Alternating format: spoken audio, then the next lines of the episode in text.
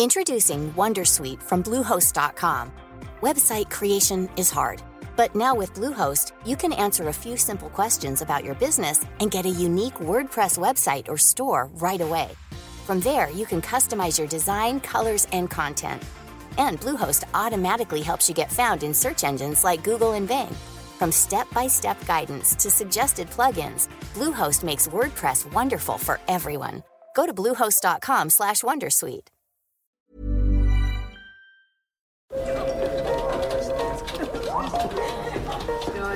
Dette er lyden av norsk næringsliv. Akkurat nå tas det små og store valg som kan bli avgjørende for fremtiden. Med økonomisystemet X-Leger tas disse beslutningene basert på informasjon i sanntid, slik at drømmer og ambisjoner kan bli virkelighet. Få kontroll og oversikt. Gå inn på xledger.no. Denne sendingen er sponset av Xleger.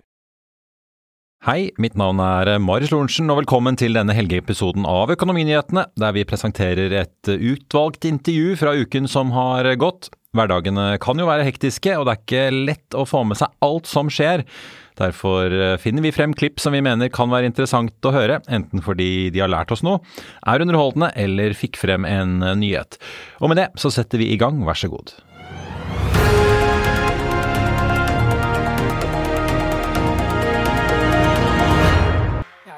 Litt bakgrunn fra AI. Jeg utdannet meg som dataingeniør for en stund siden. en veldig lang stund siden, over tidlig 80-tallet.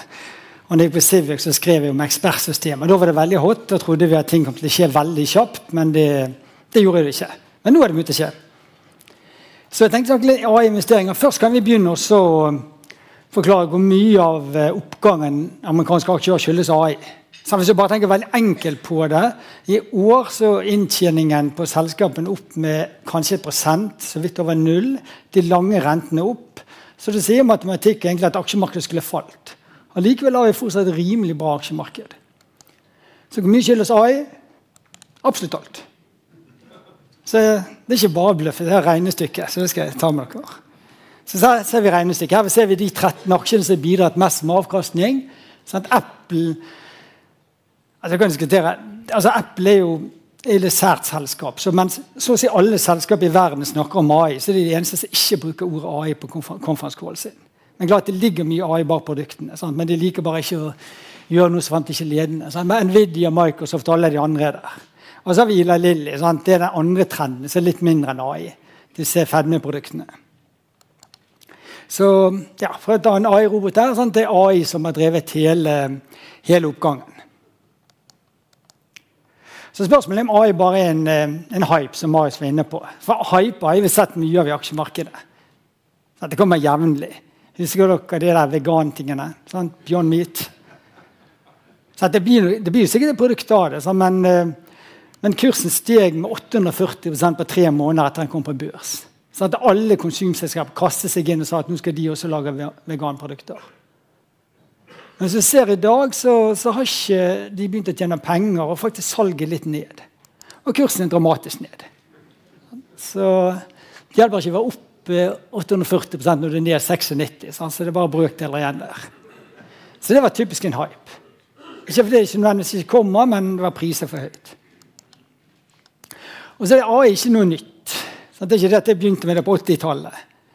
Det var veldig lenge før de begynte med det.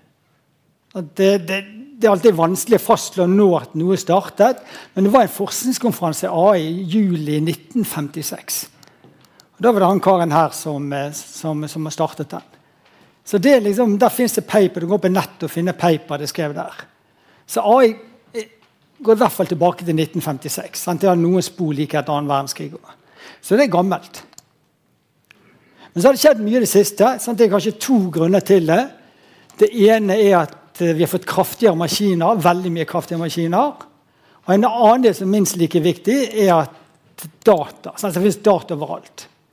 All mulig nyttig unyttig data finner du elektronisk.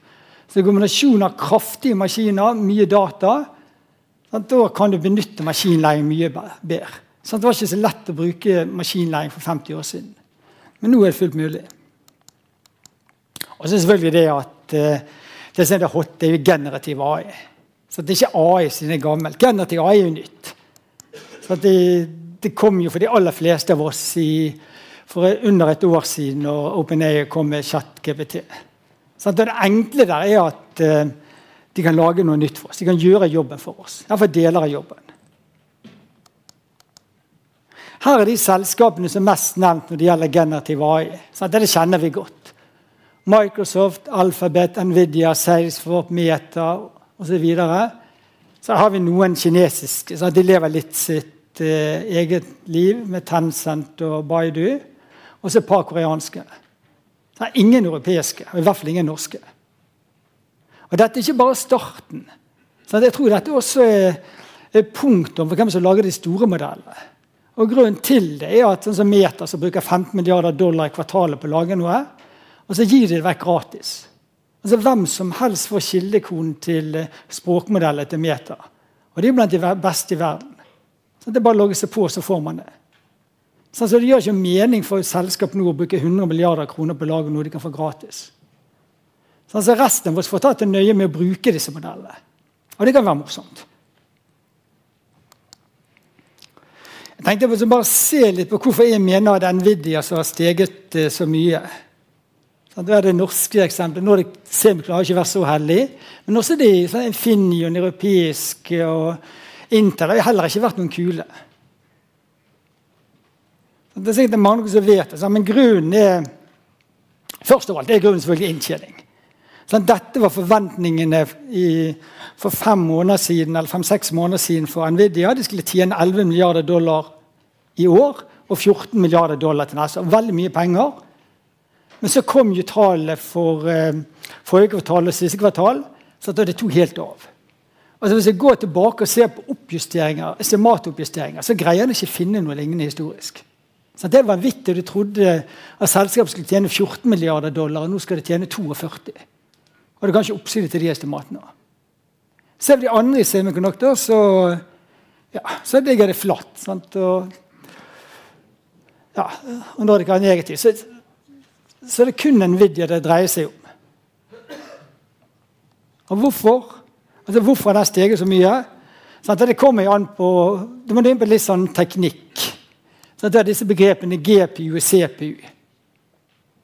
CPU-en det er hjernen i datamaskinen. Og Inntil ganske nylig, så, for de som gjorde litt seriøse oppgaver, så var det det som definerte maskinen var kraftig eller ikke. Så var det viser hvor raskt den kan jobbe. GPU det var grafikkenheten, det var litt for gamer og sånt. inntil nylig. Så det var ungdom som skulle spille spill, var opptatt av GPU. Vi andre var opptatt av CPU. Jeg skrev teksten feil. Men nå har det endret seg. Her ser vi Elon Musk, sånn som i en podkast eh, for en tid siden sa at det var mye vanskeligere å få tak i GPU-er enn en, en dop. Og Det var et godt poeng, sånn, fordi man omsetter på IB andre steder. Så Nvidia sine topprosessorer ble omsatt til overpris. Så Kineserne har jo lyst til å kjøpe dem. Inntil for noen måneder siden fikk de ikke kjøpe toppmodeller. Nå de siste dagene så bestemte de heller ikke vil kjøpe de halvgode modellene til Nvidia. Så det er virkelig hotte saker. Så tenkte jeg å prøve å forklare hvordan eh, jeg har vært litt kreativ. Jeg har laget disse fine tegningene her. Jeg har fått eh, AI til å lage det for meg. da. Men, men jeg sa hva jeg vil ha. Sant? Her ser dere en som sjefskokk. Se den burgeren han lager. Sant? Det ser jo litt god ut. Men han bruker fryktelig mye tid på den. De andre her er mye mer effektive. Så De kan produsere utrolig mange flere. Og Det er egentlig skillet mellom en CPU og en GPU. For en CPU kan bare gjøre én ting om gangen. Eller nesten bare én. Sant? Den mest fancy kan gjøre åtte. den mest fancy i verden. Mens en GPU kan gjøre 14 000 oppgaver samtidig. Den kraftigste den Nvidia. Altså gjøre 14 000 ting på samme tid. Så De fleste av oss tror ikke at vi har bruk for det. Sant? Vi har mer enn nok med å tenke på én ting og gjøre én ting om gangen. Men her kan altså prosessen gjøre 14 000 ting. Og Det var det de etterligner eh, mennesker. Sant? Vi sier jo gjerne at vi mennesker bare kan gjøre én ting om gangen. og det er ikke sant. Så for, da tenker man på hjernen, så, men det er jo fryktelig mange prosesser i kroppen som gjør masse ting hele tiden. Så Hvis du tar med hjerneceller, så er det 80-100 milliarder hjerneceller vi har. Og hver av de gjør egentlig en oppgave. Og passer på å gjøre ting med kroppen, sånn selv om du, du står her og snakker. Og det er det AI-modeller har gjort. De prøver å etterligne hjernen, lage nevrale nettverk og gjøre parallelle ting. Så Hvis du prøver å illustrere det, så er det eksempelet der. Da, da har du et bilde av en fugl, og så skal datamaskinen finne ut om det er katt eller eh, fugl eller noe annet. For noen år siden så var det helt umulig for en datamaskin. Men ved hjelp av nevrale nettverk så greier de det som en ettåring kan gjøre. Men måten de gjør det på, er at de deler det bildet opp i masse bitte små bilder. No, og hver analyserer sitt bilde. Og hvert bilde kan dele opp i farger, du kan dele opp i strukturer, du kan dele opp på mange måter. Så deler dette bildet opp i flere tusen prosesser som du prøver å jobbe med samtidig. Og Da er du kommet inn på GPU-er. For du kan gjøre flere tusen egg samtidig. Du kan ikke bruke CPU, da må du bruke GPU. Og da er det bare ett selskap i verden som er så gode. Det vil si at Nvidia var ikke fornøyd med hva folk brukte de, så de utviklet software sjøl, sånn at folk kunne få mer effekt av dem. Og Derfor er det liksom bare Nvidia sine som gjelder. Tesla kom med tallene sine i går kveld, og på så sa Elon Musk de har kjøpt eh, 10 000 av disse prosessene som de bruker til å trene AI-robotene sine med.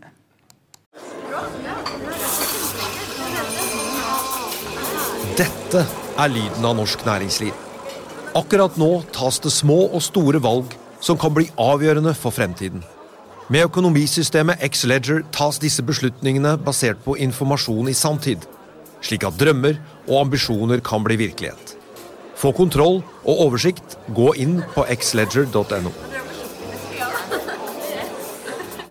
Denne episoden er sponset av van Brun, en fremtredende smykkeforhandler kjent for sitt brede utvalg av forlovelsesringer, gifteringer og diamantsmykker som bæres og elskes i generasjoner. Et frieri er en av de største øyeblikkene i livet, hvor forlovelsesringen er et tidløst symbol på kjærligheten. Valg av ring krever omtanke for både hvilket metall og diamant. Med et bredt spekter av både naturlige og labdyrkede diamanter, og metaller som platina, gult gull, hvitt gull og roségull, hjelper de deg med å sette et personlig preg på din kjærlighetshistorie.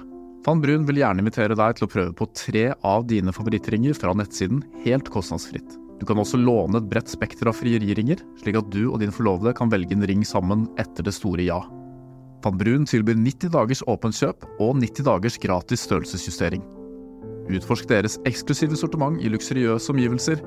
Bok en konsultasjon sammen med en diamantekspert i deres showroom i Oslo. Eller online på vanbrun.com. V-a-n-b-r-u-u-n.com.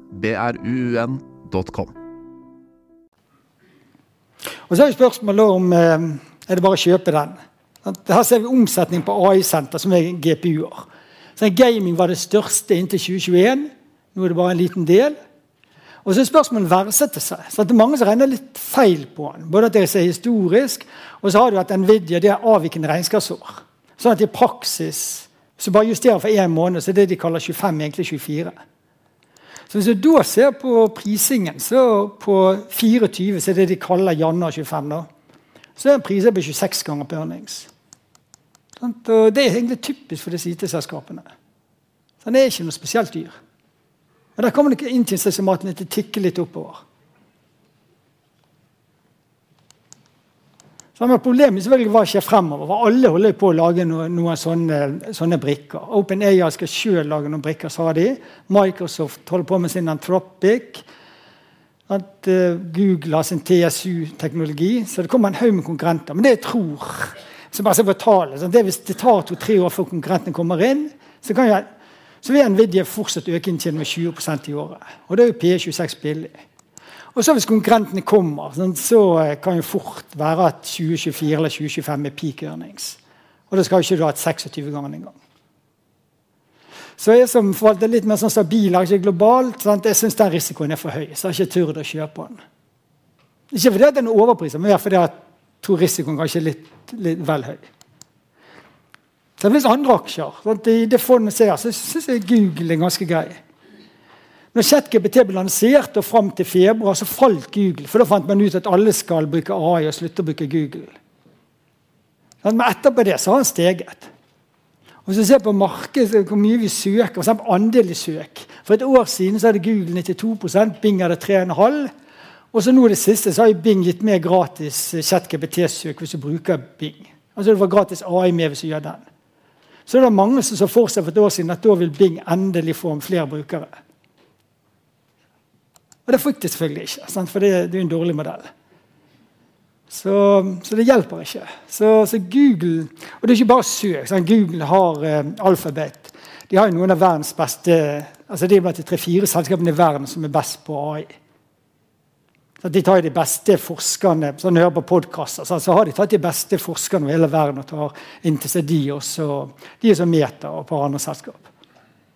Så har en haug modeller, og det beste for oss er at de fleste som modellene får vi bruke gratis. eller nesten gratis. Og så har vi Meta. Det er så fascinerende. De kom jo for tid tilbake med språkmodellene. mens mange av oss uh, sliter med kun to fremmedspråk så kan de 1100. Og De kan jo det veldig bra. så Hvis dere sjekker de modellene, så er de, er de flinkere på norsk enn de fleste av oss norske. Og så er det 3000 språk de faktisk har litt peiling på også, som ikke er muntlig. Og lang tid brukte de på å lære nytt språk? Så jeg lærte tysk på ungdomsskole og videregående i flere år uten å, uten å lære det. Så det var ingen suksess. Så 1100 språk ville ikke vært lett. Men de bruker 32 timer per språk. Så det er rimelig kjapt. Så da er det, sånn, det flinke folk der. Og så er det litt smarte òg. For at eh, de, de, brukte bare én bok. Så De gikk ikke over nettet og tok alle mulige publikasjoner som fantes. De brukte én bok som finnes over alle språk. Og hvor folk har vært så hyggelige å lese opp teksten også. Og Da vet dere sikkert hvilken bok det er. Ja, Bibelen. Så det er meta. Det, egentlig, altså det, er fascinerende. Sant? Det finnes jo flere hundre millioner analfabeter. Så plutselig nå er ikke så mye poeng. Det er selvfølgelig poeng å lese og skrive, men du kan fint greie det uten å lese og, og skrive. Sånn, du snakker til, Bruker du ChatGPT, så kan du snakke til den, og den forstår deg. Og så snakker den tilbake. Så Hvis du får et brev du ikke kan lese, så er det bare å trykke på en knapp. Så får tilgang til en maskin, så, så, leser den for deg, og så kan du svare på ditt språk. Og så ender du opp med å skrive et velskrevet brev tilbake. Altså, Meta er jo Mange snakker om at ingen bruker Facebook lenger. Altså, det er jo ikke sant. Tar du Facebook og Instagram, så er det flere unike daglige brukere enn før. Og ikke nok med det, de, de, Folk henger lenger på programmene. Fordi at de bruker AI til å skjønne hva vi egentlig har lyst til å gjøre. Og så lurer de oss til å ta mye fancy på nettet, og så blir vi hengende lenger. Så har priset 18 ganger. Det er ikke ille. Ja, så Hovedsakelig to måter å tjene på AI sant, ved disse store amerikanske selskapene, inklusiv Adobe. Så det er kjørt. Og for, for det andre så, også holder det å fokusere på å se, utnytte kostnadene. Og da begynte AI og så syntes det var en grei, grei tegning som jeg lagde sjøl av hjelp av AI. Sant? Det er sånn egentlig som form AI virker. Du sitter og jobber, og så har du noen små assistenter som hjelper deg. Jeg bruker i hvert fall AI tosifret antall ganger for dagen. Mye på jobb og så privat. Sånn, det er bare et enkelt regnestykke for et selskap. Sant? Eh, her er inntekter, der er andre kostnader, der er lønn. Får du lønnskostnadene ned med 100 millioner, så vil jo resultatet gå opp med 100. Sant? Da er det 25 økning. Så det betyr at det selskapene må egentlig gjøre noe med dette. Eh, Sam Altmann, eh, I podkasten til Nicolai Tangen så sa han eh, at Nicolai Tangen begynte med at de var målet å bli 10 mer effektiv. Sam Altmann sa at ja, det kan bli 20% og da var det god stemning. Så, men, det, men det ikke, Hadde jeg vært sjef, så hadde jeg ikke syntes det var god stemning. Sant? For det, Hva betyr at du er mer effektiv? Det betyr at du greier det med færre folk. Så Hvis det er syv ansatte, hvis det er 15 effektivitet, så betyr det at du kan kvitte det med noen av de ansatte. Og det betyr nok at De selskapene som virkelig greier å gjøre det, de vil, nå, de vil få en greiere kursutvikling enn de som henger igjen og ikke gjør det. Så langt er det særdeles få selskap som sagt dette kan øke produktiviteten. Utenom IT-selskapene, som leverer produktene. Men de andre har vært veldig stille. Så det er kanskje noe som vil ta tid. Ja, altså her er et selskap som heter Teleperformance, europeisk selskap. Hatt en enorm vekst. De driver kundesenter for andre. Og på, De har en egen AI i dag. Dette bare, sånn, det er det ni ulike systemer i en generativ AI. Så jeg skulle jo tro høy vekst, mye en generativ AI. Hva skjer med aksjekursen da? Den kollapser. Sånn, det stiger ikke, den kollapser. Rett er fordi at det ser egentlig så bra ut at uh, Sant? Eh, andel AI-interaksjoner altså AI vil overta veldig mye mer av jobben. Så hva skjer da? Prisen på interaksjon du kan ikke ta det samme hvis en AI-modell gjør det. Du kan ta betalt hvis en AI-modell er god, men du må ta mindre betalt. Så hvis du ganger de tallene med hverandre, så ser du at omsetningen skal ganske mye ned de neste årene. Så selv om du er ledende i verden på, på, AI, du har en fantastisk god forretningsmodell, så, så har aksjemarkedet valgt å straffe dem. Her tror jeg aksjemarkedet overreagerer. Så han sender ned 50% og, og bare gir en PE på 8 Så Den tror jeg faktisk var en mulighet. Og jeg har kjøpt litt der. Syns det er spennende.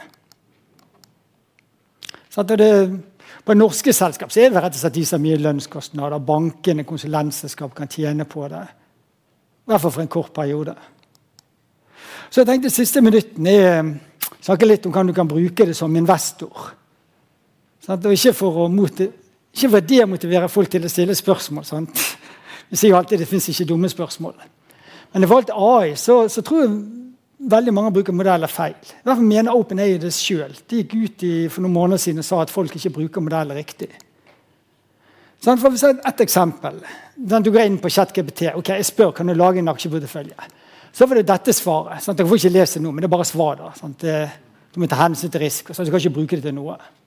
Så, men det er ikke ChatGPT som feil, det er du som spør feil. Sånn, her er eksempel på hva du skal spørre. Sånn, det fins en sånn topp egentlig fag som du kaller for prompt engineering nå. Sånn, det kom til titalls bøker ut bare, bare de siste, siste ukene sånn, om hvordan du skal stille spørsmål. Det kalles for prompt engineering. Og har du lest en av de, så spør du ikke om du kan lage en aksjeportefølje. Du er mye mer presis. Sånn, først og Det hjelper å si sånn banal ting at den AI-roboten skal glemme de tidligere instruksjonene. Begynn med det. Si hva den skal være. Vær konkret. Jeg ønsker ti aksjer. Litt mer om den verdsetten skal være attraktiv. De skal kanskje ha overskudd i ni av ti år. Sant? Og så globale fond. Nei, unnskyld, globale aksjer, ikke fond. Sant? Der skal en blande inn det. Hvis, det, hvis aksjer er ute etter. Så kan du be henne også uh, unngå for mye konsentrasjon. Og så kan du få navnet og gi, fortelle hvorfor du velger dem, men ikke bruk mer enn tolv ord per selskap. Sånn, det er veldig spesifikke spørsmål. Og hvis du gjør det på samme modell, så, så får du et resultat som dette. Sånn, da funker det. Nå har jeg for så vidt ikke brukt ChatGPT som de fleste bruker. Jeg har brukt en modell som jeg synes er veldig mye bedre. Den heter Perplexity. Det er faktisk et selskap med bare et tosifret antall ansatte. De bruker ChatGPT og litt andre roboter under. Men så både integrerer de Internett, sånn at du får oppdatert informasjon per i dag, og de gir kildehenvisninger til svarene. Sånn at du slipper å gjette på er dette sant eller ikke han kommer med.